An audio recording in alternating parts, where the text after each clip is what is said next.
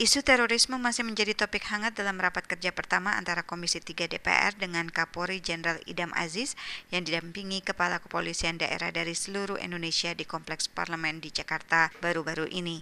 Dalam pemaparannya, Idam menjelaskan sepanjang 2019 terjadi 8 serangan teroris atau menurun 57 persen dibanding 2018 yang mencapai 19 kejadian tindakan yang dilakukan teroris. Dia menambahkan polisi berhasil mengungkap peristiwa penusukan terhadap Wiranto ketika itu menjadi Koordinator Bidang Politik Hukum dan Keamanan di alun-alun Kecamatan Menes, Kabupaten Pandeglang, Banten pada 10 Oktober lalu.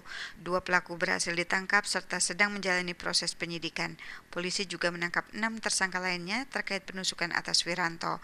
Ida mengatakan polisi juga berhasil mengungkap serangan bunuh diri di markas Kepolisian Resort Kota Besar Medan, Sumatera Utara pada 13 November lalu. Selain mengungkap identitas pelaku bom bunuh diri, dalam delapan hari pasca peristiwa tersebut, Polri juga telah berhasil menangkap 74 orang tersangka jaringan teror di 10 wilayah. Menurut Ida berdasarkan hasil penyelidikan terhadap kasus penusukan atas Wiranto dan bom bunuh diri di Medan, para pelaku merupakan anggota kelompok jamaah Ansarut Daulah yang berafiliasi pada ISIS atau negara Islam Irak dan Suriah. Mereka terpapar paham radikal dan teroris melalui media sosial. Kepala Badan Nasional Penanggulangan Terorisme Suhardi Alius menegaskan pihaknya mengedepankan pendekatan lunak yakni pencegahan dan penegakan hukum dalam menangani terorisme di Indonesia.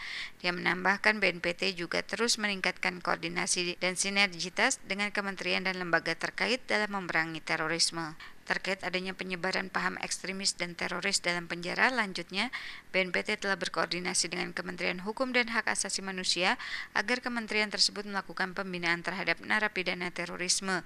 BNPT juga berkoordinasi dengan berbagai lembaga termasuk Kementerian Hukum dan Hak Asasi Manusia, Kejaksaan, Detasemen Khusus 88 dalam penempatan narapidana terorisme sesuai level ideologi terorismenya. Soehardi menegaskan terdapat empat level teroris yakni hardcore, militan, pendukung, dan simpatisan karena treatmentnya akan berbeda-beda. Ini yang kami kerjakan di BNPT. Hal ini juga sudah dimulai dukung dengan revitalisasi lembaga pemasarakatan tentang pembinaan narapidana terorisme berdasarkan klasifikasi dan atau leveling sehingga secara bertahap pembinaan narapidana terus dapat disentralisasi dan tidak lagi bercampur dengan narapidana umum. Namun BNPT sudah meminta kepada Direktorat Jenderal Pemasyarakatan untuk memperlakukan sistem blok dengan jadwal dan sipir terpisah supaya narapidana terorisme tidak dapat berbaur dengan narapidana umum. Suhardi mengatakan BNPT pada Juli 2016 telah menyerahkan kepada Kementerian Dalam Negeri daftar 600 orang mantan teroris kemudian diteruskan kepada masing-masing kepala daerah sehingga pemerintah daerah tahu percis ada mantan-mantan teroris yang harus dibina bukan dipinggirkan. Dari Jakarta Fatia Wardah melaporkan untuk VOA Washington.